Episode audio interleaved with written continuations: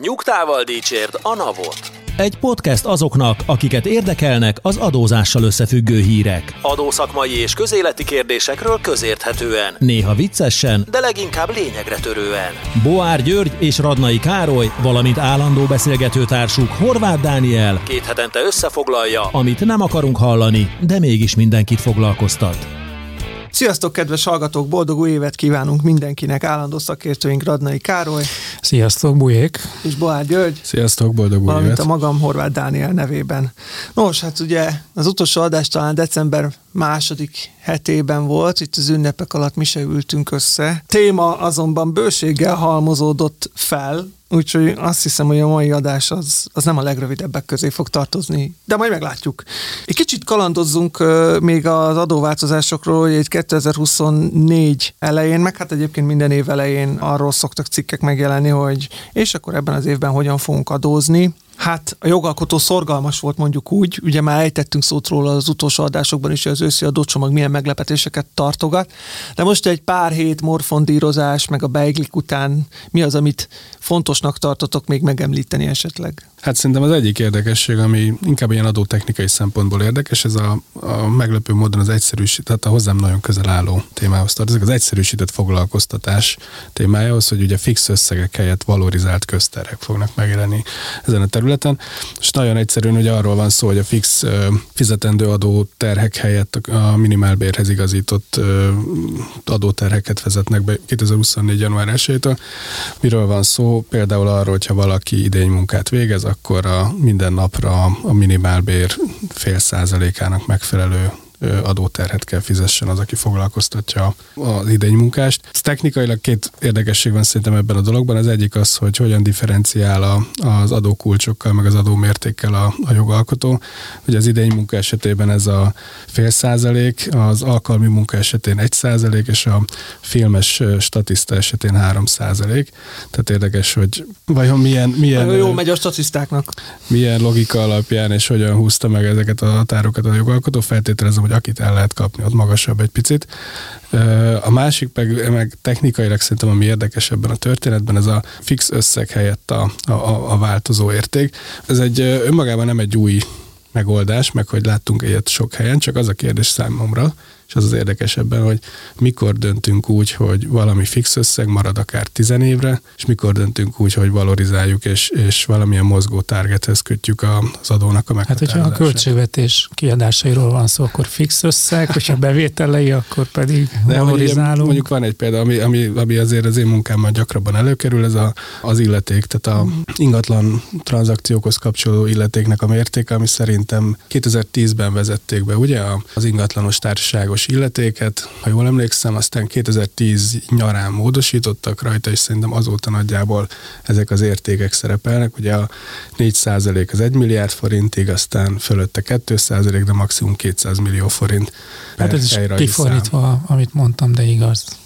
Igen. Ez a burkolt adóemelés. De ugye ez, ebben azért jutott eszembe ez az illeték, mert egyébként ez egy fura adóemelés, mert hogy az ingatlanoknak az értékéhez van ugye kötve az adómérték, de hogy tehát egy milliárd forintot azért most már könnyebben elérnek ingatlanok, mint mondjuk tíz éve. Van egyszer a 4%-os sávban egy, egy nagyobb ingatlan szám, vagy tranzakciószám, aztán a fölötte lévő sávban, nem mindegy, az, az szerintem kevésbé érdekes, ott inkább egy adócsökkentésről van szó, hiszen eddig 4%-ot fizettem volna, most ez 1 milliárd fölött kettőt, aztán pedig van egy 200 milliós cap, amit meg, meg azért, jó persze nem egy kicsi ingatlant kell hozzávenni, mert olyan 9 milliárd forintos tranzakciós érték kell hozzá, de mégiscsak ha figyelembe vesszük, hogy akár 30-40 százalékkal, vagy 50 vagy akár 100 százalékkal nőhetett ingatlan érték az elmúlt 10 évben, fura hatása van az ilyen fix összegű, vagy a nem valorizált értékeknek az adó, adórendszerben.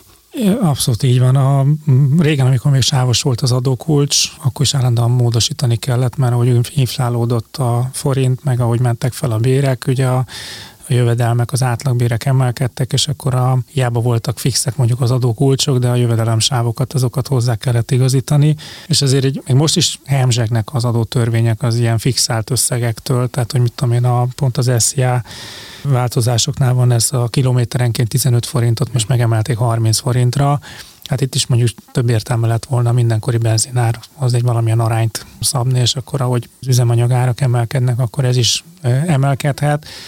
Tehát a KSH-nak vannak publikus nyilvánosságra hozott statisztikái, amihez ezeket hozzá lehet igazítani.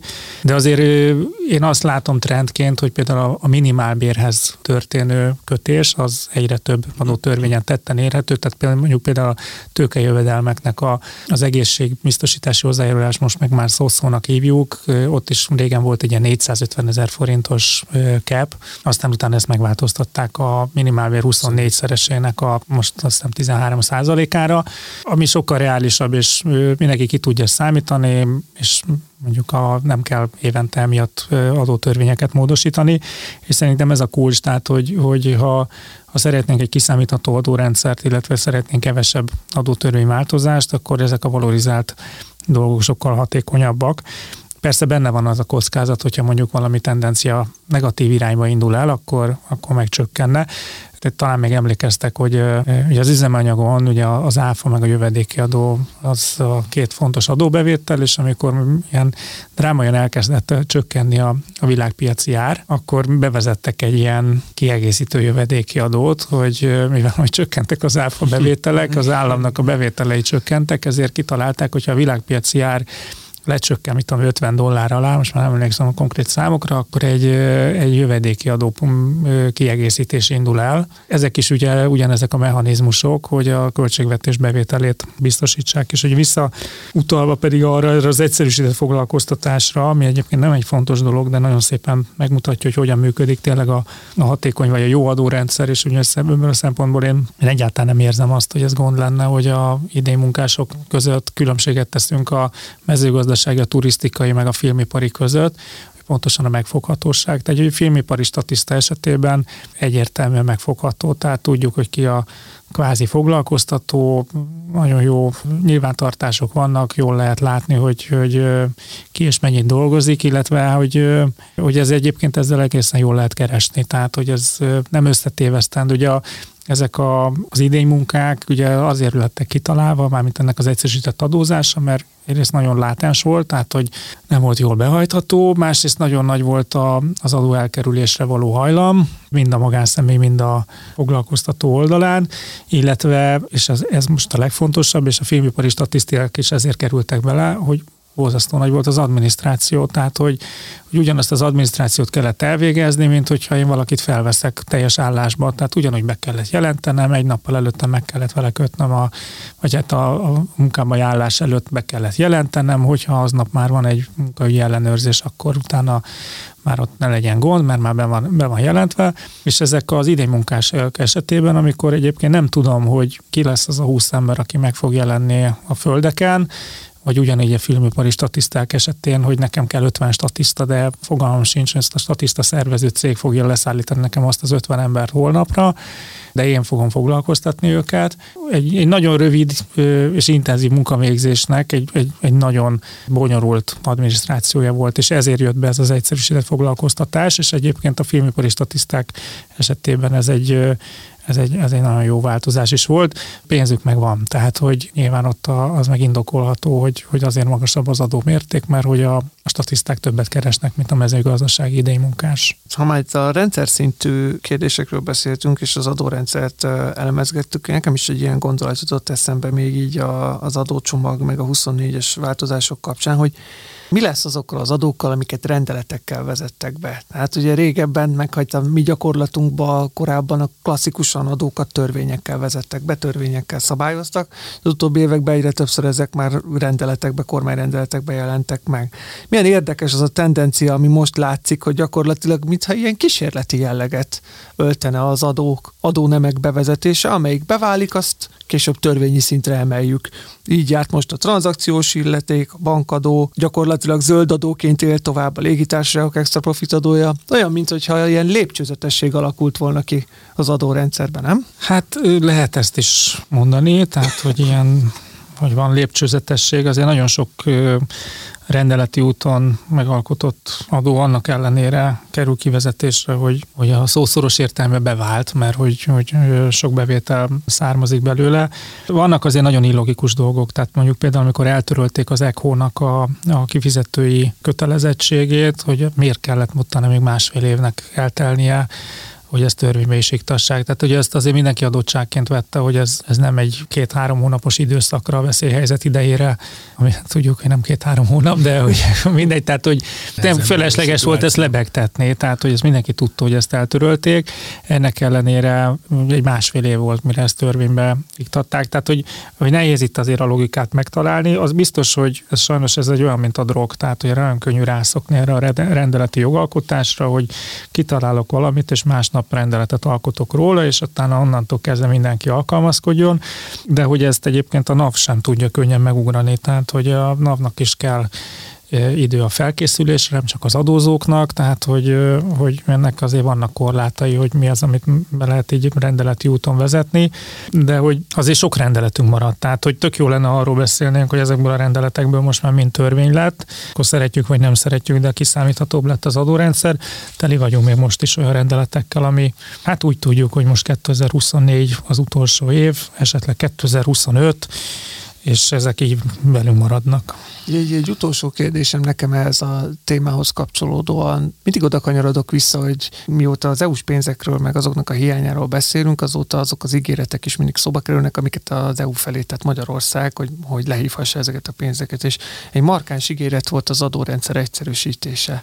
Most ezek a változások, ami egyébként nem állt meg, tehát gyakorlatilag téli szünet alatt is, karácsonyi időszakban is naponta jöttek ki új rendeletek, és érintették az adójogszabályokat. Szerintetek az adórendszer rendszer egyszerűsödésének az irányába vezetnek? Nekem pont az jutott eszembe, a Karesz beszélt az előbb, hogy, hogy csak arra fókuszálunk, hogy milyen rendeletek érhetőek el most, és, és hogyha 24 végéig teszünk ígéretet magunknak arra, hogy ezeket kivezetjük, akkor még van egy, van egy súlyos évünk, ahol még duplázhatjuk, vagy triplázhatjuk a Abszolút, és hát is ez van. És tehát, ez is ez van. Tehát, hogy az elmúlt két hét tapasztalata alapján biztos, hogy ez lesz. Tehát, hogy nem fogunk lelassítani, és szerintem a veszélyhelyzet is valószínűleg fenn fog állni, hiszen mi változna. Hát sőt, és ugye, hogyha azért úgy olvasunk a sorok között, ugye van most két pénzügyminiszterünk, van a hivatalos, meg a nem hivatalos, és egyébként a nem hivatalosnál van a kulcs, tehát hogy neki most mind politikai, mind gazdasági mozgástere az jóval szélesebb,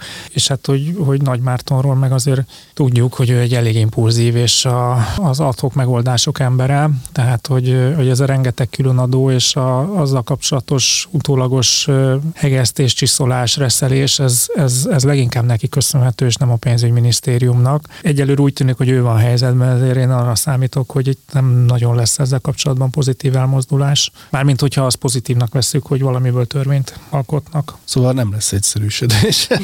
De egyébként az jutott még eszembe, hogy például itt az ilyen, ilyen foglalkoztatás bejelentésnél például lehetne digitalizálni sokkal egyszerűbben, vagy könnyíteni itt a, az adminisztrációt. Tehát ilyen értelme lehet, hogy egyszerűsödik a Jó, meg aztán vannak olyanok, ahol meg is lett ez furva, mert ugye legutóbb arról beszéltünk, hogy a PM szerint az egyéni vállalkozók adózása sokkal egyszerűbb lett volna, hogyha átmegy elsőre a hmm. javaslatcsomaguk, ami meg nagy ellenállásba ütközött. Tehát értem én azt, hogy ez el tud nehezülni bizonyos okokból kifolyólag, csak nekem úgy diszonáns azzal az ígérettel. Ez, szerintem ez, egy, ez, egy, ez az adórendszer egyszerűsítése számomra legalábbis egy ilyen nagyon ambivalens, vagy egy ilyen ellenmondásos kérdés vagy cél.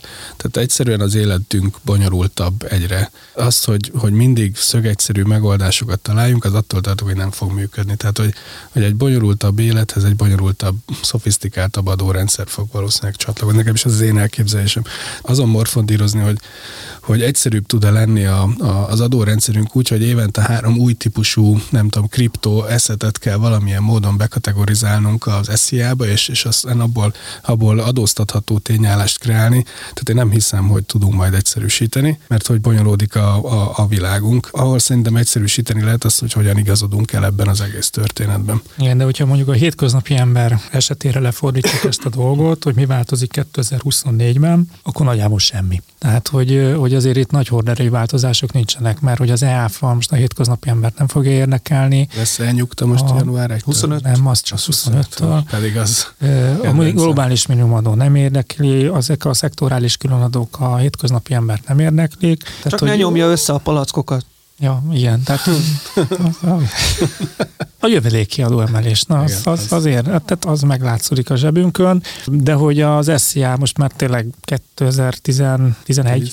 Hát valahogy úgy, nem tudom, régóta. A társasági adókulcs az 2017-8 körül lett 9 százalék, az ÁFA 2012 óta 27 százalék, a szótszó az szépen levándorolt, és lejött 13 százalékig, de ez itt hogy nagyjából itt meg is fog állni, és akkor a többi adó meg az egyszerű hétköznapi emberek esetében meg annyira nem fontos. A egyéni vállalkozók esetében az általányadózásnak a szabályát azt mindig egy kicsit csiszolják, ott már nincsen, van, csak már sokkal kevesebbeknek elérhető. Azért olyan nagy horderejű változások nincsenek most január 1-től.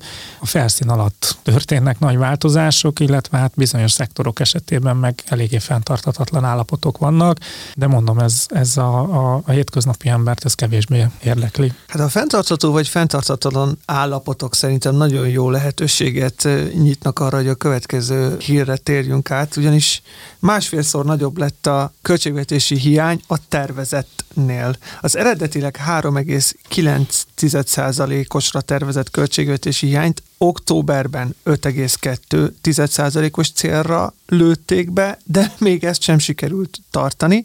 Végül 5,9% lett. A 2023-ra előirányzott költségvetést egyébként a kormány még 2022 nyarán vitte a parlament elé, és azóta ez több módosításon is átesett, de végül ez az 5,9% hát ez megint egy rekord. Hát és úgy is, tehát hogy a 3,9% az egy, tehát volumenben egy sokkal alacsonyabb költségvetési bevétel összegre volt kiszámítva.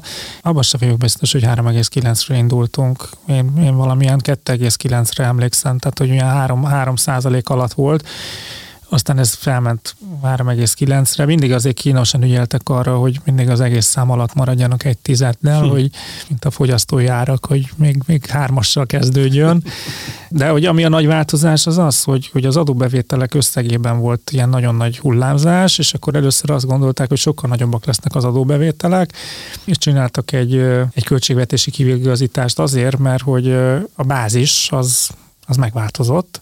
Tehát már 2022-re sem úgy teljesültek a végén az adóbevételek, és aztán 23-ban meg ugye nagyon rossz folyamatok indultak el, és ugye ezért kellett aztán többször is. Tehát ugye a százaléknak egyébként önmagában kevés jelentősége van, azért azt egy érdemes megnézni, hogy egyébként a kiadási oldal hogyan változott, és a kiadási oldal elszaladt a kamat oldalon, de hogy egyébként meg nagyon sok minden meg, meg pont azért állt meg, mert hogy, hogy elfogyott a pénz, tehát hogy nem tudtak már többet költeni. Igen, nekem is ez jutott eszembe erről a hírről így elsőre egyébként, bocsánat, szabadba vágtam, Gyuri, hogy lehet-e ezért egyáltalán még a, sok mindenért lehet persze mindig az aktuális kormányzatot hibáztatni, de hogy abban a világgazdasági klientúrában, amiben létezünk, lehet-e egyáltalán még hibáztatni őket azért, hogy hónapról hónapra új hiánycélt kell kitalálni. Tehát, hogy én szerintem erről már korábban is említést tettem, hogy nekem olyan arhaikusnak tűnik ez a egy évre előre megmondjuk a hiánycélt. Mindenki tudja, hogy nem annyi lesz, vagy több lesz, vagy kevesebb, de hogy ez nem, nem egy tervezhető szám. Hát azért én azt gondolom, hogy történt szakmai hiba is. Tehát a, az áfa, ahogy az korábban túl teljesült, az most nagyon... Nekem vannak fenntartásaim azzal kapcsolatban, hogy a pénzügyminisztérium mennyire tudja megjósolni, hogy mi lesz az áfa bevétel. Éveken keresztül felül teljesült az áfa, ott is egy ilyen módszertani hibát látok, hogy, hogy valahogy nem értették, hogy mitől lesz ennyivel több az áfa, és aztán utána meg azt gondolták, hogy akkor ez most már adottság, aztán amikor meg alul teljesült, akkor megint nem értették, hogy mitől teljesült alul. Tehát, hogy azért azt gondolom, hogy itt, itt van egy komoly tervezési probléma, tehát hogy, hogy a, a költségvetés legfontosabb bevételi forrását azt a pénzügyminisztérium nem, nem látja át kellőképpen, hogy milyen komponensekből jön össze. A másik pedig ez a, én tudom, hogy ez nem népszerű, meg hogy politikailag ez sosem lesz, de hogy, hogy vannak helyzetek, amikor adót kell emelni. Tehát, hogy én értem, hogy, hogy ez egy politikailag felvállalhatatlan dolog adót emelni, de valószínűleg sokkal hatékonyabb lenne nemzetgazdaságilag a 15%-os SZIA-ból 17-et csinálni, mint most mindenféle szektorális különadókkal megpróbálni a lehetetlent, és hajánál fogva fel kihúzni magunkat a gödörből, miközben egy eléggé nehéz szituációban van a, a magyar költségvetés, tehát hogy több bevételre van szüksége, vagy a kiadásokat kell lefaragni. A kiadásokat meg nem nagyon lehet lefaragni, a kiadásokat sokkal inkább egy adottság, tehát már így is nagyon sok szektor, az egészség, a oktatás abszolút alulfinanszírozott, tehát hogy nem nagyon tudsz onnan elvenni. Az építőipari beruházásokat azt lényegében lenullázták, tehát hogy nagyon sok minden lényegében megállt.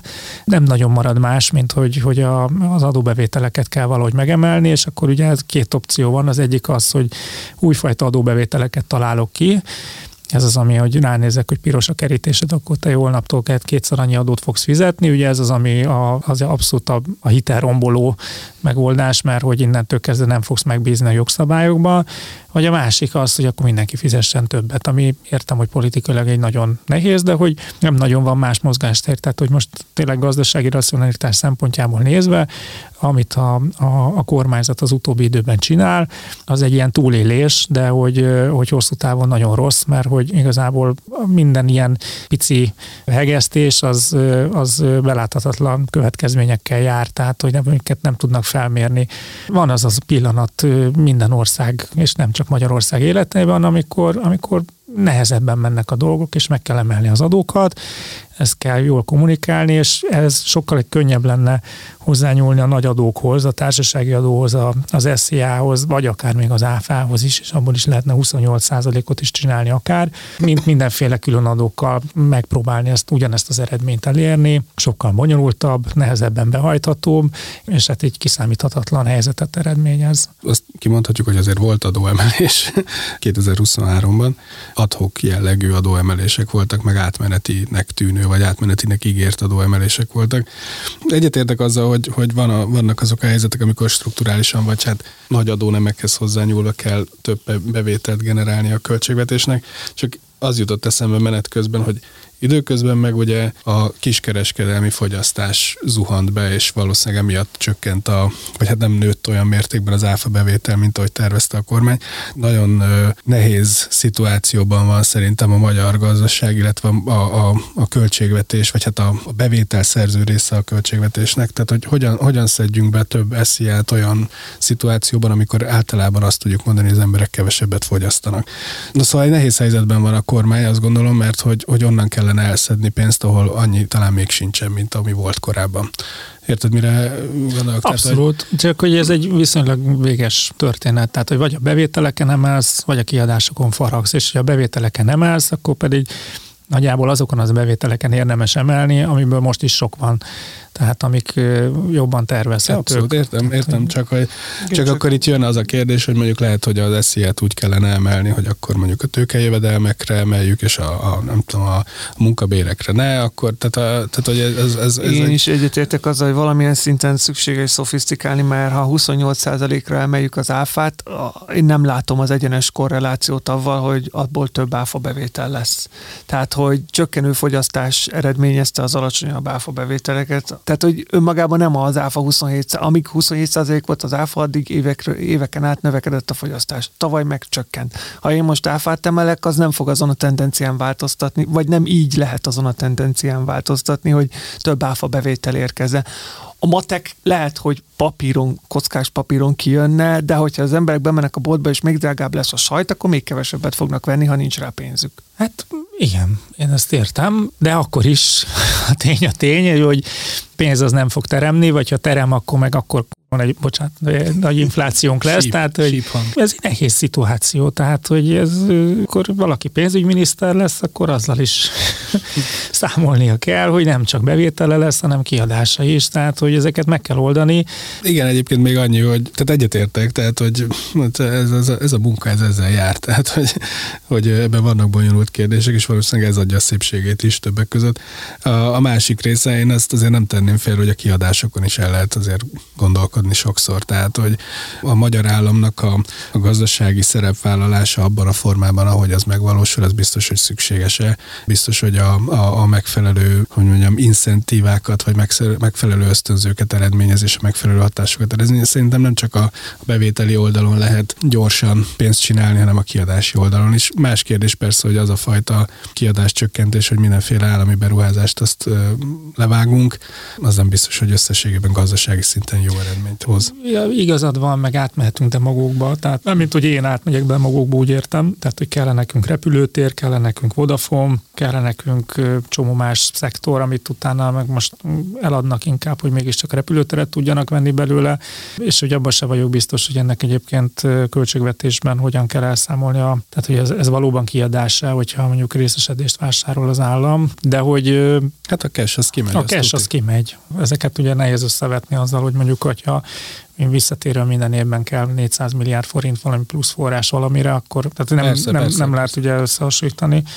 Hogy azért azt gondolom, hogy a, a bevétel oldalon könnyebb alakítani, mint a kiadási oldalon. Főleg úgy, hogy most már azért jó pár nehéz esztendőn túl vagyunk, tehát hogy három vagy négy éve dülöngél a magyar költségvetés borzasztó nagy hiányjal. Pont erre akartam még kitérni. Kis történeti kitekintés, hiszen mások is ezt teszik, neves közgazdászok is többek között, hogy a most futó gazdaságpolitikát azt össze tudjátok hasonlítani az elmúlt két évtizedben bármely releváns gazdaságpolitikával, vagy ez most ilyen teljesen egyedi reakciókat kívánó helyzet? Hát én egyszer már összehasonlítottam, és az biztos, hogy nem örültek a kormánypártiak, amikor azt mondtam, hogy ez nekem az a 2000-es évek közepi gyorsány korszakot idézi, az a, az adhok jellegű, most ide, ide teszem a kezem, most akkor ezt, ezt tekerem, most oda teszem, és hogy igazából ilyen, ilyen, ilyen nagy perspektívák, perspektívikus gondolkodás nélküli rövid távú gondolkodás. Én szerintem ide jutottunk vissza, aztán most Zsidai Viktornak volt egy cikk, ami, ami pontosan ugyanezt mondta. Hát én sajnos ezt látom, tehát hogy visszajutottunk az origóhoz. Nekem a 80-as évek közepi olasz gazdaságpolitika jutott eszembe. Nekem, mondani, hogy ezt fogod mondani, nekem, nekem a 80-as évekről a minisztertanácsi rendelet jut eszembe. A rendeleti szabályozás, az már akkor is nagyon jól ment. Na de ha már a központi bevételekről volt szó, és az áfa is terítékre került ezen a vonalon megyünk tovább. Most már nem jövő, hanem múlt időben beszélhetünk az EAFáról, hiszen január 1-től működik a rendszer, legalábbis adat lesz, adat lekérdezés szintjén. Urán hangzott ez, hogy múlt időben beszélhetünk. Hát legalábbis a bevezetéséről igen, hiszen igen. január 1 elindult az EAFA rendszer, amit már többször is elemeztünk, és az lehetséges hatásait is. Január 1-től adatlekérdezési szolgáltatásokkal, február 1-től pedig éles bevallási funkcióval működik. Igen, és a legjön legfontosabb dolog, hogy tényleg elindult. Tehát, hogy, hogy még decemberben is volt egy ilyen kis rezgés a levegőbe, hogy mi van akkor, hogyha ha, ha mégis valami nem tud összejönni. Nyilván kicsi a, a kockázat, mert nem nem úgy indult el, mint az online számlázás, hogy mostantól ez van, és hogyha nem működik, akkor nagy baj van, mert akkor nincs más helyette, hanem van a régi rendszer, van a kiajánlós, meg van az EAFA, és akkor mindenki eldönteti, hogy melyik lesz neki a szimpatikus, és hogyha valamelyik esetleg nem működik, akkor ott van a, a jó öreg régi áinkás megoldás. Tehát, hogy azért 2024 nagyjából a tesztelésével lesz, szerintem a NAV-nál is, tehát nem nagyon számít a NAV se arra, hogy, hogy tömegével fognak átállni cégek, főleg így az elején. Bevallást februártól, februártól lehet, lehet majd így adni, tehát hogy igazából még, még a január is tökéletes a tesztelésre, mindenféle következmények nélkül cégek és NAV oldalán egyaránt, aztán fe, februártól fog annyiban élesedni a dolog, hogy onnantól kezdve ténylegesen be lehet majd adni így már áfa bevallást. Ha ezt egyáltalán egyébként áfa bevallásnak nevezzük, hogy beadom az egész áfa analitikámat, mert hogy az igazából onnantól kezdve egy, egy automatikus online adatszolgáltatás lesz. Ja, az egy áfa bevallás, pont azért, mert olyan döntéseket kell hoznom, amik nem feltétlenül az analitikámból következnek. Tehát, hogy az én bejövő számláim egy bázis időszakra mindenképpen egy adott tartományt ölelnek fel. Az, hogy abból mit helyezek le vonásba és mit nem, az az én döntésem. Az, hogy hogyan arányosítok, vagy hogyan nem, azt is nekem kell kiszámolnom. Tehát összességében azért, azért a, a, ahhoz az analitikához képest, mire abból egy bevallás megoldás lesz, az egy pár döntést igényel, és pont ezekre a döntésekre vonatkozóan lenne egy felvetésem, illetve nem is annyira az enyém, szerintem inkább a Gyurié.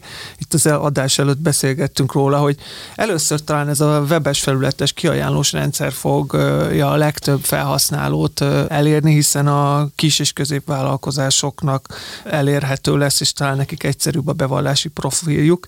Ehhez kapcsolódóan ugye a NAV egy tervezetet fog kiajánlani, és aztán majd azt akár el is lehet egy egy az egybe fogadni, de lehet rajta változtatni is, és ez a tervezet az adatokból fog dolgozni, azokból az adatokból, amik már eddig is a rendelkezésére álltak a NAV-nak, a befogadott számlák, illetve a kimenő számlák vonatkozásában is. Igen, és én ezen kezdtem el rugózni, hogy mit jelent vajon a befogadott számla abban a rendszerben, ami automatizált rendszer. Tehát, hogyha ha a NAV legenerálja a bejövő adatok alapján helyesnek vélt áfa bevallást, akkor ugye abban én nem vagyok benne, abban a döntésben. Tehát, hogy bárki, aki kiállít az én nevemre számlát, az ugye beküldi a, a, a NAV-nak a rendszerébe a számlát, mert nem az én nevemre, de értik a kedves hallgatók.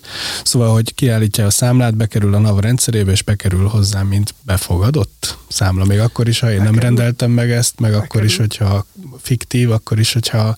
És milyen érdekes dolog, nem? Ez lesz az a különbség, ami az eddig általam vezetett analitika, meg a NAV rendelkezésére álló adatok között adódhat. Ugye ideális esetben elvileg nem kéne, hogy adódjon, mert ideális esetben tudnom kéne minden számláról, amit az én ö, nevemre állítottak ki. De itt mondjuk rögtön kijöhet egy olyan, egy olyan eltérés, ami egyrészt elemzésre is lehetőséget ad, másrészt viszont rendkívül veszélyes. Igen. Mert ha én sablonizáltan rákattintgatok mindig az elfogadom a bevallást, mert nekem ez a legegyszerűbb történetre, akkor könnyen lehet, hogy folyamat fiktív számlákat helyezek levonásba, majd két év múlva engem fognak megbüntetni azért, mert nem voltam kellően körül körültekintő, amikor elfogadtam a bevallásomat. Igen, ez, de ugye ez nem lesz, hanem ez már jelen idő. Tehát most is ugye az online számlázásban most már a, a legtöbb könyvelő program fel van okosítva, hogy, hogy automatikusan leívja a NAV adatait, és utána megy egy ilyen csekk, hogy mi van a NAV-nál, és mi az, ami általában arra használják, hogy keresik azokat a számlákat, amik már elvileg el lettek küldve, de valamiért a könyvelésben nem került bele. Na de akkor ebből szoktak kijönni azok a nem kívánt esetek, amikor mondjuk a munkavállalók kérnek áfás számlát valamiről, azért, hogy elszámolják, aztán utána végül a munkáltató úgy dönt, hogy nem számolja el neki, nem fizeti ki neki, vagy mondjuk azért, mert a céges megrendelés esetén 20% árengedményt kaphat, és akkor a munkavállaló kitalálja, vagy de lehet, hogy nem is munkavállaló, hanem csak megtudja, hogyha arra a cégre kérem a számlát, akkor olcsóbb lesz a termék. Ezek nem fiktív számlák, csak nem a tényleges megrendelő nevére lettek kiállítva. Nagyon nem fog elharapozni a dolog, mert a fiktív számlánál van egy befizetendő áfa is, ugye az egyik levonhatja, a másiknak meg kell fizetnie, és hogyha azt látja a NAV, hogy a levonási oldalon ben van, a fizetendő oldalon meg nincs, nincsen benn, akkor ezek az automatizmusok már most azonnal működnek, hanem ez a szőrözés a, a kis számlákkal, hogy ki rendelte meg ezt a könyvet, ezt az újságot, Igen. ezt a szekrényt, Tehát ezt a tévét, ezt a... Igen. A... Nekem is ez jutott eszembe, hogy legenerál nekem a NAV egy, számla, egy, egy bevallást, és mondjuk az én alatt elképzelésem és a NAV elképzelése között van 3000 forint különbség. Ott egy Jóvá hagyom. Tehát, hogy megspóroltam vele, nem tudom, egy napot. És pont ezek a tételek lesznek, vagy azok, amik, amiktől én inkább nyilván paranoid vagyok, és, és tartok, hogy akkor elkezdenek így kiküldözgetni ilyen kicsi számlákat cégek, és akkor a többség úgyis ki fogja fizetni, meg belesztéve a bevallásba, és el lesz fogadva, és csókolom. Lehet, hogy azt gondoljuk, hogy ez egy rossz dolog, hogy a automatizmusa azt mondja, hogy hát ezeket most egy erről levonhatónak teszem, de hogyha elkezd tényleg széles körben adatot elemezni, és megnézi azokat a számlákat, amiket bizonyos adózók kikaptak, ugyanattól a szállítótól bizonyos adózók meg nem, akkor esetleg rendszer szinten elkezd utána menni ezeknek a tételeknek, vagy azt fogja feltételezni, hogy lehet, hogy ezek egyébként nem is a vállalkozás érdekében felmerülő költségek, és akkor nem csak az áfát nem lehet levonni, hanem akkor mm. esetleg egyébként esziát is kellene rajta fizetni, mert hogy ez mondjuk a munkavállaló számára történő juttatás, vagy bármi, hogy lehet, hogy a, a NAV oldaláról ez egy jó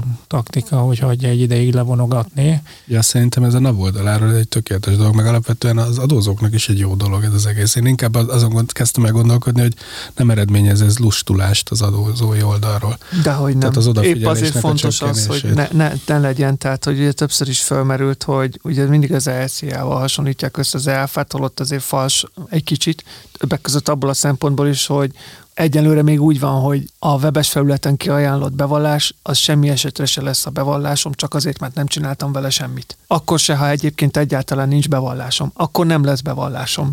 És én ezt fent is tartanám, ezt a rendszert. Tehát úgy ne legyen elfa bevallásom, hogy a NAV valamit kitalált, majd én nem reagáltam rá semmit, mert például elfelejtettem, és két nap múlva indul egy adóellenőrzés egy olyan bevallásra, aminek én a számaival tisztában sem vagyok. Uh-huh. Én nálam ez az a, a határvonal, amit meg kell húzni. Még ha van is ilyen törekvés, hogy, hogy később mindenkinek ezáltal legyen áfa bevallása, én ezt nem támogatom. Uh-huh. De ez egy érdekes kérdés egyébként, a, még az előző téma alatt jutott eszembe, hogy ugye viszonylag, viszonylag hagyományos keretek között gondolkodunk az adórendszert, illetően, hogy a, a nagy adónemekről gondolkodunk, meg a nagy módszerekről, meg arról, hogy, hogy önbevallás, mint itt az, az ELFA-nál, vagy az ELFA-nál, hogy, hogy lehet, hogy egyszerűen ez a mondjuk így a klasszikus intézményei adózásnak, mint önbevallás, meg hasonlók, ezek egyszerűen egy idő után kikopnak, vagy szükségtelené válnak. Az áfa rendszert ahhoz alapjaiban kellene megváltoztatni. Hát hogy, ki már tud, hogy, hogy ki tudjon kopni. Én nem azt mondom, hogy lehetetlen, csak hogy például pont amiről az előbb beszélgettünk, a levonható adóról való rendelkezés,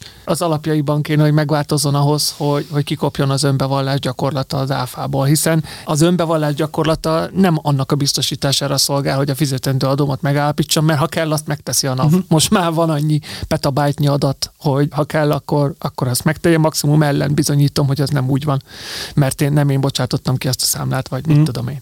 Tehát nem, nem ez a része, a, ami miatt az önbevallás fontos, hanem a levonható lába miatt, hogy én avval úgy rendelkezhessek egy időn belül, ahogy nekem a legkényelmesebb.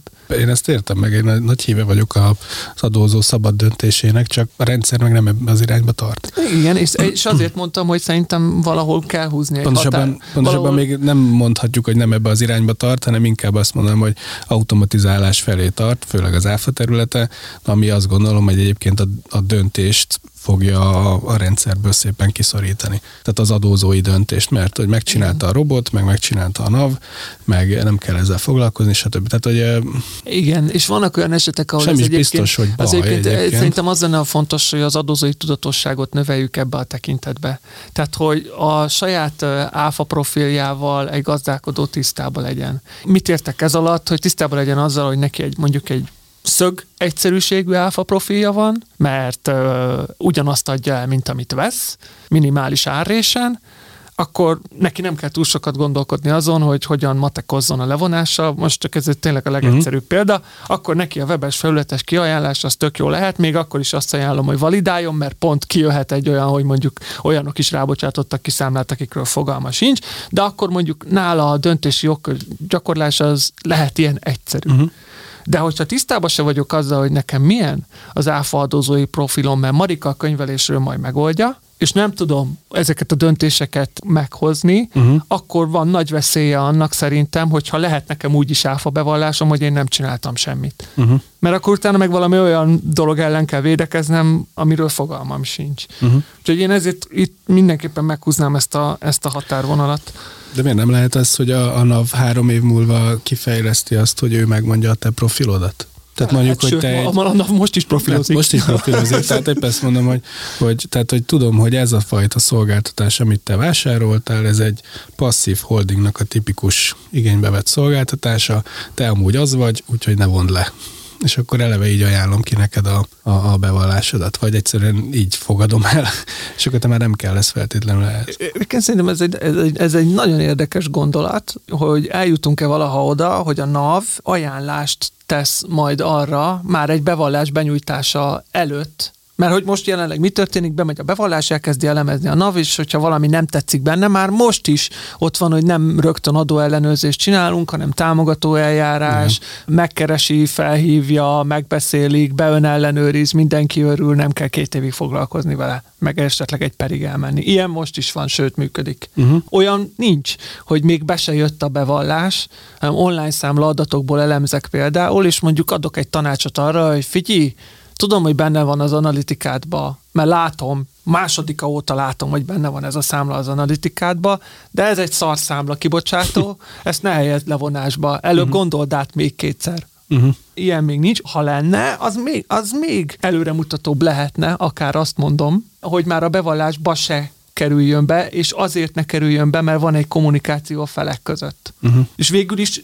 az adatállomány lehetővé teszi. Az időbeliség a kérdés, hogy elég gyors tud-e lenni ahhoz a NAV, hogy ezt egy ilyen rövid időintervallumon belül lekommunikálja, meg azonosítsa a kockázatot. Hát de hogyha ez, ez, ez szoftver csinálja, e, akkor miért de lehetne? Ezt el tudom képzelni. És ez, kapacitás és, és ez, lehet egy, ez lehet egy jó iránya a fejlődésnek. Meglátjuk. Meglátjuk. A jövedéki adóról is esett ma már szó, úgyhogy ezen a vonalon megyünk tovább. Hát igen, nem kicsit tematizálta a médiát az elmúlt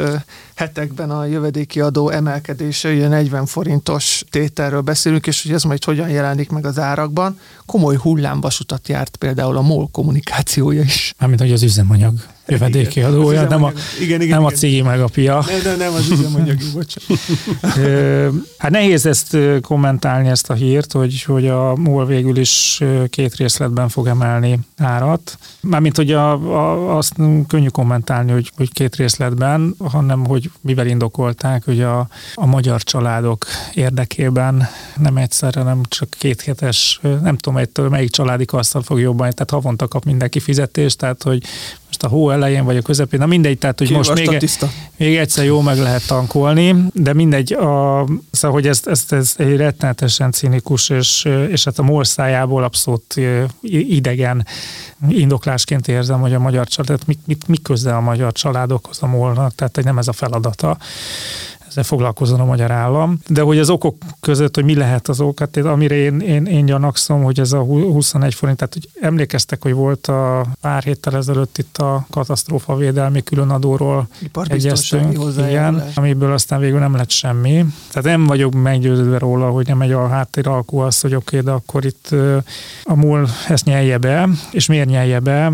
az inflációs statisztikák miatt. Tehát, hogy, hogy valószínűleg van van jelentősége annak, hogy mi van január 1 az árcímkére írva, és hogy, hogy a januári inflációt ez ne nyomja meg annyira, hanem akkor ezt hosszuk el január és február között. Na jó, én ezt eddig el is tudom fogadni meg, hogy a MOL be tudja nyelni, azt is el tudom fogadni, mert az ő, az ő profitja az elég erős ahhoz, hogy ezt is, hogy ezt is benyelje. De mi van a kisebb kutakkal? Ugye a MOL ármeghatározó tényező a piacon, hát a magyaron legalábbis mindenképpen. És ugye hát gyakorlatilag ugyanazon a napon, amikor a MOL bejelentett bevezette a két lépcsős üzemanyagáremelést, a kiskutaknak is reagálnia kellett. Igen, de a kiskutak választhatják azt, hogy nem mennek le árban, tehát hogy a, egyrészt a két hét miatt nem kell nekik azért, ez egy nagyon rövid távú dolog, másrészt a, a MOL azért ezt most a saját zsebéből adja. Most nincs árstop, hogy, a, hogy mindenki rá van kényszerítve arra, hogy veszteséges legyen. Egy kiskut mondhatja azt, hogy ő ezt, a, ezt az árést nem tudja ennyivel csökkenteni. Lehet, hogy egy kiskut esetében egyszerűbb az árat magasabban tartani, és kisebb forgalommal számolni, mint hogy, mint hogy árversenyt kezdeni egy mollal, ami hát nagyjából lehetetlen. Ami viszont itt elbújik a hír között, hogy a kisker különadót azt módosították. Igen, tavaly beszéltünk is róla. És, és hogy ennek az egyik fő kedvezményezetje pont a MOL, tehát, hogy ő könnyebben ad kedvezményt, mert hogy neki kevesebb kisker különadója lesz, mint a többieknek. Igen, tehát hogy a, igen, tavaly beszéltünk róla, de röviden érdemes szót ejteni arról, hogy pont a kiskutaknál ez e, nagy mértékű emelkedés jelent, a 0,15 százalékos adómértékről 3 százalékra, ugye árbevétel kapcsán. A molnál meg gyakorlatilag harmadával csökken, mert a 4,5 százalékról e, esik le háromra ugyanabba a sávba. Ugye nyilván ez a harmadával csökkenés sokkal nagyobb összeget jelent a MOL esetében, szóval nekik úgymond volt miből adni. Igen. Na, lényeg a lényeg, hogy úgy tűnik, hogy két lépcsőbe ö, történik ez az áremelés. Meglátjuk, hogy, hogy a kiskutak ezt mennyire Köszönjük a szakértői hozzászólást. Én ebbe a hírbe beletettem mindent, amit tudtam. Oké, okay, és akkor mit szólsz a bűnös TikTok hirdetésekhez? Ja, a NAV tette közé ezt a hírt, tehát aki járatos a szakmában. Ilyen, ilyen, ilyen, látja, ilyen hogy... közepes szintű ilyen szappanopera, vagy ilyen, ilyen scripted reality-nek a címének tűnik. Minden nap kiad egy hírlevelet a NAV, és általában elbüszkélkedik arról, hogy éppen kiket és hol milyen adócsaláson ért, vagy hogy milyen feltárásokat tett. Egy, egy, ezek közül volt az egyik, ez a bűnös TikTok hirdetések. A, hát ezt arra vonatkozóan tette közé ezt a NAV, hogy állandóan ellenőrzi a közösségi média platformokat is, többek között a TikTokot, és hogy egyre többen ezen a platformon keresztül hirdetik a, az áruikat, de nem mindenki szeretne az értékesítései után adózni, így tett az is, az a vállalkozó, vagy hát nem vállalkozó, mert adószáma nem volt, de vállalkozónak kellett volna lennie. Vállalkozó volt, Igen. a szó szoros értelmében. Aki furgomból árulta. Így, így jött létre az adóalanyiság. Igen, és, így jött létre az adóalanyiság. Furgomból árulta a hamisított ruhanemüket, cipőket, csizmákat, majd aztán a NAV több közösségi platformon is megtalálta a hirdetéseit, és össze tudta vele kötni, egy próbavásárlást is végrehajtottak nála, számla nem volt. Ellenben sikerült elérni, hogy egyszerre adóigazgatási eljárás, büntetőeljárás és szabálysértési eljárás is induljon. Hát igen, mind a hármat sikerült, sikerült megvalósítani. Igen, én azon gondolkodtam ezen, ezzel a hírrel kapcsolatban, hogy egyrészt mennyi energia mehetett ebbe bele. Ezt valaki végig kellett, hogy pörgesse nem tudom hány ezer TikTok videót ahhoz, hogy ezt, ezt felderítse, hát az már önmagában egy, önmagában egy teljesítménynek tűnik. Másrészt, hogy hány Ez Ebből egy TikTok videóban kellett volna erről beszámolni. És ez 30 másodpercben csak a felvezetőtől volt, Dani, csak úgy mondom. Nem TikTok kompatibilis a műsorunk. Hogy vajon hozott ez az egész annyit, mint amennyi energia ebbe belement? Ez az egyik kérdés. A másik meg az, hogy azért eléggé megvasalják ezt a figurát, tehát hogy itt, itt rázúdítottak minden, szóval valószínűleg a Dani mondta ezt az adását, hogy ennek valószínűleg van üzenet jellege is, meg nem valószínű, hogy véletlenül került ki a, a NAV híroldalára. És ez eszembe jutott egyébként, ez most, ahogy fölvezetted ezt a sztorit, hogy itt a karácsonyi szünetben kicsit többet YouTube-oztam, mint szoktam, és, és feljött egy pár hirdetés, és az egyik közül, egyiknél megakadt a szemem, mert nem értettem a relevanciáját, én életvezetési tanácsokat osztogató figurának a hirdetése volt. Tehát, hogy sok megjelent, több fajta, és egy idő után már baromira idegesített ez a sztori, és utána néztem, hogy kicsoda ez, micsoda, és megnéztem a honlapját, és kerestem az Impressumban azt, hogy végül is ki ez a cég, vagy ki ez az egyéni vállalkozó, és hát természetesen nem találtam meg. Aztán a gyakran gyakran ismételt kérdések szekcióban benne volt az, hogy ő, ő azt állítja, hogy ő, ő egy valid cég, és ezt fogja kiállítani a számlát, de továbbra se találtam meg, hogy ki ez a cég. Szóval, hogy, hogy a, amúgy meg egy üdvözlendő dolog az NAV-nak a részéről, hogy ezt, a, ezt az online szektort megpróbálja gatyába rázni, meg valószínűleg ott egy kicsit a vadnyugati stílusban nyomják párom. Ez a megérés ehhez kapcsolódóan erre szeretnék reflektálni, hogy az, hogy ez megéri-e vagy nem, azt nem ezen az egy eseten kell nézni, meg egyébként az egész ellenőrzési tevékenység olyan, ami nem éri meg. Tehát, hogy nem úgy éri meg, hogy a, ha megnézem a befektetett munkaórákat, meg a megállapított adókülönbözetet, akkor ki fog nekem jönni, hogy ez uh-huh. megérte. Ez preventív. Ennek az a célja, hogy a nagy tömegeket a megfelelő, meg a jogkövető magatartás irányába terelje. Ezért mondom, hogy TikTok videóba kellett volna beszámolni róla.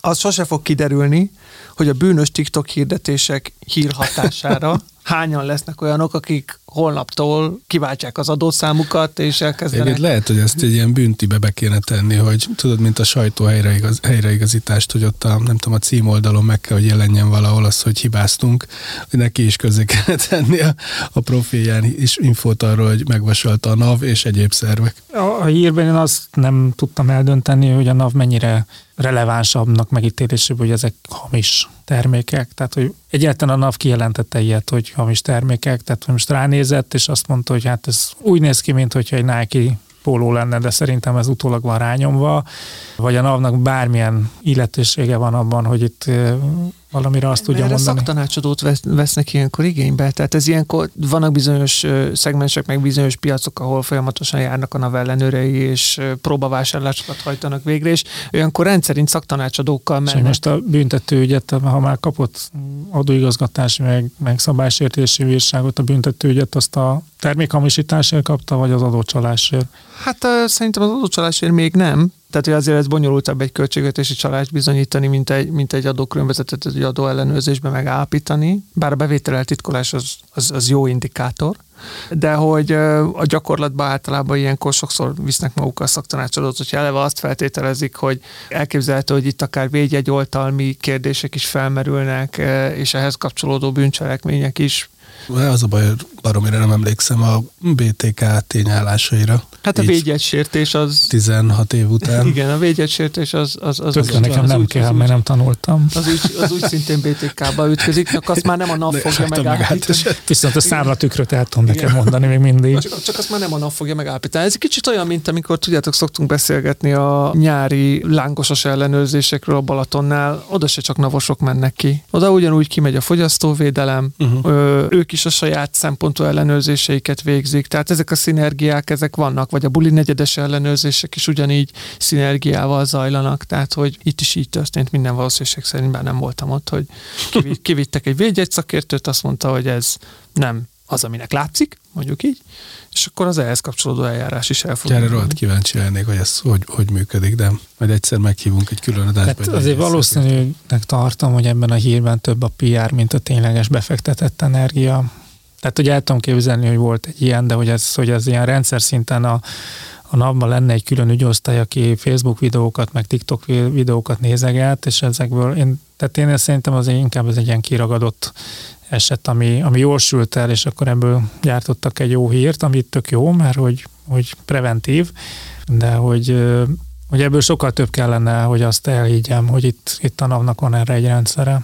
Na, ha már a különböző közösségi platformokon megjelenő videók és az ezeknek a hatásáról esett szó, akkor innen lovagolunk át a DRS rendszerre, kötelező visszaváltási rendszerre, ugyanis kihelyezték a visszaváltó automatákat, amik meg is kezdték áldásos működésüket, de nem mindenhol a legnagyobb sikerrel, bizonyos helyeken portugál nyelven működtek, és euróban adták ki a visszaváltási díj összegét, kicsit mintha akadozna a rendszer. Itt miért? Hogy, hogy beszél portugálul a gép? Tehát ennek örülni kéne, hogy, hogy és egy, egy portugál ember, hogyha bejön egy magyar üzletbe, tanuljon meg magyarul? Hát szerintem ez egy teljesen jó dolog, hogy ezek a gépek, ezek mindent tudnak, azt is, amit nem kéne.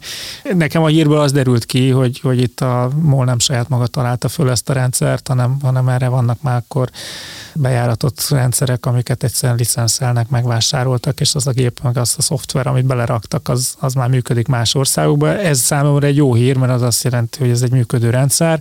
Hát más kérdés, hogy több nyelven tud, mit kellene. Nekem meg az úgy jutott eszembe erről, hogy, hogy mire gondolt a költő. Tehát, hogy aki január másodikán odasétált egy decemberbe vett palackkal, az mire számított, hogy mi fog történni? Na de hát, nem magadból indulják ki, aki fél éve, mint bármilyen rezdülésre odafigyelsz, és hogy mi történik. Hát ez egyszerű ember azt gondolta, hogy fogja, ő nem, nem hallgat híreket, ki van az automata, visszaválthatsz, és bedobta azokat, amiket még egy héttel korábban vett, és meglepődött, hogy nem fogadja el.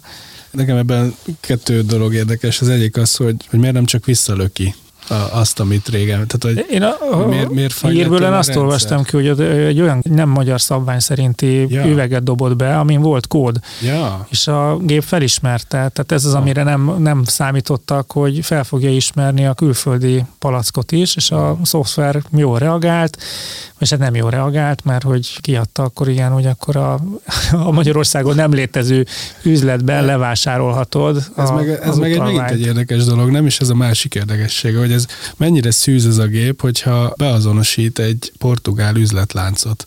ez egy használt gép, hát vagy a, szinte, a, szinte a, szoftver? Szinte a szoftver. Nem, nem szűz, mert hát ahogy beszéltünk is róla korábban, tehát hogy, hogy a gyártók valószínűleg még elenyésző hányaduk az, aki egyáltalán a mintapalackot elkészítette. Főleg így, hogy június végéig mentelmi időszak van, és lehet a régi palackokat is üzemelni, tehát hogy szerintem nagyon kevés olyan magyar gyártású, vagy hát a magyar kötelező visszaváltási rendszer hatály alatt tartozó palack létezik jelenleg, uh-huh. ami már a Mohu által engedélyezett, és rajta van a plecsni, az 50 forintos plecsni, és tényleg be lehet dugni, azt, a, azt értem. Azt értem, csak hogy mondjak egy analógiát, aztán elengedem ezt a témát, mert végülis nem ez a legfontosabb dolog ebben az egészben, hogy, hogy most veszel egy új telefont, ugye, amin sajnálatos módon telepítve van egy csomó alkalmazás, mondjuk köztük a Facebook alkalmazás is. Azon, ami nekem van olyan, azt hiszem, hogy van, vagy volt. Mondjuk, ha belépnék ebbe, mikor tök újan bekapcsolom a telefonom, és valakinek a profiljával belép, akkor azért úgy azon meglepődnék. Na most kicsit e- ez tűnik nekem, hogy letelepítesz egy tök új gépet, amire ugye a, a, a hibának az okára azt mondta valaki, hogy ugye nem futott le valami szoftver frissítés. Ezen van egy profil, ami kidobja, hogy ezt a cetlit, ezt a, a másik pénztárnál vás be, vagy ennél a cégnél vás be. Hát igen, igen nyilván, tök fura. nyilván egyértelműen le lehet vonni azt a következtetést, hogy, hogy még a gépek sem feltétlenül állnak készen arra, hogy üzemszerűen működjenek, de ez az egész rendszer nem áll készen arra egyelőre, hogy üzemszerűen működjön. Nem véletlenül van benne egy fél éves átmeneti időszak. Van ebben a hírben egyébként egy ilyen kis clickbait, nem? Tehát, hogy nagyon meglepődve csak a portugál nyelven voltam, de hogy hogy a, a, a többin... Igen, tehát azért mondom, hogy, azért mondom, hogy nem tudom, hogy mire számított a költő, hogy oda sétál egy tavaly vett palackkal, hogy mi, még, még szerencsé, hogy ez tavaly történt. Portugáliában vett palackkal. Miért, miért hozta haza? Igen. Még szerencsé, hogy ez történt, mert erről lehetett írni. Tehát, hogyha csak simán visszaköpte volna neki, akkor abból valószínűleg nem lett volna cikk. Hm. Nem tudom, hogy ez blama-e, de ha már a blamáról van szó, Bulgáriában úgy tűnik, hogy besült egy adó, nem? A gázadót bevezették, majd visszavonták. Egyedüli megfizetője egy bolgár társaság volt, akinek azt visszautalják. Milyen céllal történt ez az egész? Hát azt hittem, hogy ezt te fel fogod konferálni, hogy milyen céllal történt, és nekem már csak kommentálnom kell a hírt, hogy miért, miért sült be, de hogy akkor, a, akkor elmondom, hogy a bolgár pénzügyminisztérium is rájött arra, hogy nagyon egyszerű dolgokat megvámolni, ami nem az övé, és a rajta keresztül futó orosz gázt azon az alapon, hogy, hogy Oroszország agresszor, és minden, ami onnan jön, az, az rossz. Ezen az alapon meg lehet adóztatni, ezt politikai el lehet adni, és hát igazából Bulgáriában nem okoz ez problémát, mert hogy a, a tehát egy kicsit olyan, mint ez a légitársaság külön adó, hogy megadóztatom a, a földi kiszolgálót, de hát nyilván tovább fogja számlázni, mert hogy ő nem fogja tudni ezt befizetni, Hát itt is ugyanez van, hogy a, ezeknek a, a tényleges adófizetői, ezek nem bolgár adófizetők lettek volna, ez olyan tök egyszerű, mert hogy akkor be is vezettem az adót, bevételem is van, és akinek, aki meg ezzel rosszul jár, az meg, az meg körön kívül van. És hát ugye ez történetesen pont a Magyarországra szállított gázon vezették volna be. Ugye két verzió lett volna, az egyik, hogy az oroszok fizetik, a másik verzió az, hogy, hogy az fizeti, aki megrendelte. Ha az oroszok azt mondják, hogy nem fizetik meg, akkor elzárhatják a csapot, akkor ugye a megrendelő nem jut gázhoz, tehát akkor a megrendelő az, aki kényszerhelyzetbe kerül, és akkor azt kell mondani, hogy akkor inkább kifizettem ezt az adót, csak azért, hogy, hogy ne zárják el a csapot. Már borítékolhatóan ezt a vevőnek nem kellett volna megfizetnie jogilag, de hogy, hogy gyakorlatilag meg kellett volna fizetni, és akkor ebből lett a patália, ami aztán persze egy elég nagy habosítást is kapott, és, és a végén hát gondolom ment az adók kapok, a végén aztán a felszínre is jutott a zsarolás, hogy akkor eddig úgy gondoltuk, hogy Bulgária csatlakozzon a Schengeni zónához, de akkor mostant úgy gondoljuk, hogy hát itt azért olyan problémák vannak itt a határellenőrzéssel kapcsolatban, ami miatt Bulgária még mindig nem készült fel a Schengeni csatlakozásra, és aztán hogy, hogy nem eltűnt ez a, ez a különadó, ez a történet röviden. Annyival egészíteném ki, hogy itt azért Ausztria is a, a, az érintett felek között volt, nem csak Magyarország. Tehát, hogy az osztrákok voltak ugye nagyon a Schengeni bővítés ellen, szóval hogy nem biztos, hogy csak nekünk szólt, hanem, hanem az, az osztrákoknak, illetve hát igen. másik oldalról meg mi támogattuk a Schengeni bővítést, ha jól emlékszem, igen, és igen. akkor viszont mi meg arra tudtuk használni, és akkor, igen. akkor töröljék. De hogy ez a zsaroló azt. potenciál kérdése, szerintem ez az, ami érdekes ebben a, ebben a történetben. Hát mondjuk itt szerintem a zsáka foltját megtalálta, tehát itt azért a megrendelő készhelyzet elé van állítva, és nem tud mit csinálni, mert egy monopólium, tehát nem tudja máshonnan beszerezni a gázt.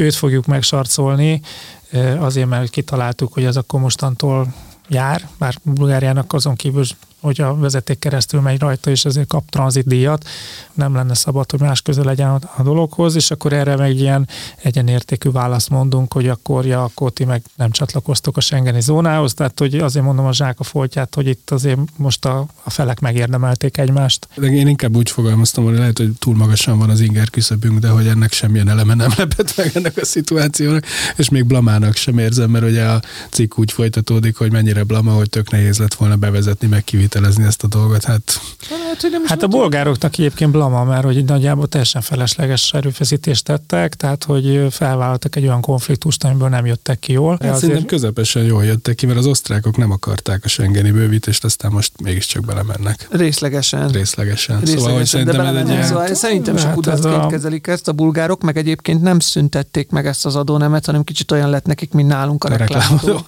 Tehát, hogy ilyen csak ott, ott marad, csak tűnik. felfüggesztettük. Majd amikor kell, akkor újra elővesszük. Címszóval maradt ez az adó, nem? Maximum az lehet benne érdekes, vagy blama, hogy azt, ami miatt mi nem lepődünk meg, ugye az, hogy az adó egy sokrétű, hogy mondjam, eszköz, azt ők nemzetközi szintre tették. Ő, tehát, hogy... Más még nem csinált ilyet? Hát most ezen gondolkodom, hogy... Globális minimumadó Magyarország. Jó, persze, de hogy jó, nem, de hogy értelem. abból a szempontból, igen, én nekem is most keresgélnem kell, hogy van-e olyan analógia, amikor... egy picit más. Ez a külföldi vállalkozásokat érintő különadó, ezek a szektorális különadók azért, amikor úgy tényleg megválogatták, hogy milyen szektorokat fogunk különadóval sújtani, ott, ahol túlnyomó rész külföldi tulajdon van, azért az, az hasonló, de az akkor még a jogszabályi kereteken belül van, mármint hogy országhatáron belül igen, intéztük igen, el a dolgokat, igen. úgy értem azt, hogy amikor valamit kif kifejezetten egy külföldit kezdek el adóztatni. Hát végül is volt ilyen, hogy a Facebookot meg a Google-t meg próbáltuk adóztatni, de, yeah. de nem fizették be. Igen. De abban igazad van, Dani, hogy hát a globális minimumadó is végül egy ilyen politikai csatározásá vált. Azért ott voltak szakmai érvek is. Nem Pedig csak... csak a német áfarésen kellett volna dolgozni. Hát igen, mint, mint, tudjuk, mint, mint, mint, tudjuk a 41. adásból. igen, igen, igen. A boárfél állítás. majdnem, majdnem minden szektorral foglalkoztunk ma már, úgyhogy az utolsó hírhez érkeztünk ebbe a maratoni idényító adásba, de hát ki nem hagyhatjuk a helyi önkormányzatokat, akik felettébb mód megijedt ijedtek a, a pénzügyminisztérium makrogazdasági és költségvetési előrejelzésétől a 2023-27-es időszakra, amit decemberben adott ki a minisztérium. Ez szerint ugyanis egyrésztről csökkennének a támogatások, amelyeket a helyi önkormányzatok kapnak, másrészt viszont folyamatosan nőne az úgynevezett szolidaritási hozzájárulás, vagy szolidaritási adó, amelyet be kellene fizetniük. Hát itt akkor gyorsan hadd kössek vissza a második hírhez, amikor a költségvetési hiányt elemeztük, tehát ez ugyanaz. Tehát, hogy próbál a kormány mindenféle innovatív megoldást kitalálni arra, hogy hogyan tudja a kiadásokat leszorítani és a bevételeit növelni, és ez, ez ennek egy része. Ez se egy fenntartató dolog. Tehát, hogy nyilván le kéne menni a részletekbe, meg ennek a szolidaritási hozzájárulásnak az azért, tehát ennek van logikája, mert hogy nyilván úgy van felépítve, hogy azok az önkormányzatok, akiknek egyébként van lehetőségük más területekről adó bevételekre, azok többet fizessenek, mint azok, akik egyébként meg kevésbé. Tehát mondjuk a Szászalombatta és a mellette levő falu esette, hogy a Szászalombatta, ahol mondjuk ott van a MOL, és azért rengeteg iparüzési adót fizet, annak van felelőssége abban, hogy egyébként a környékbeli települések hogyan fejlődnek.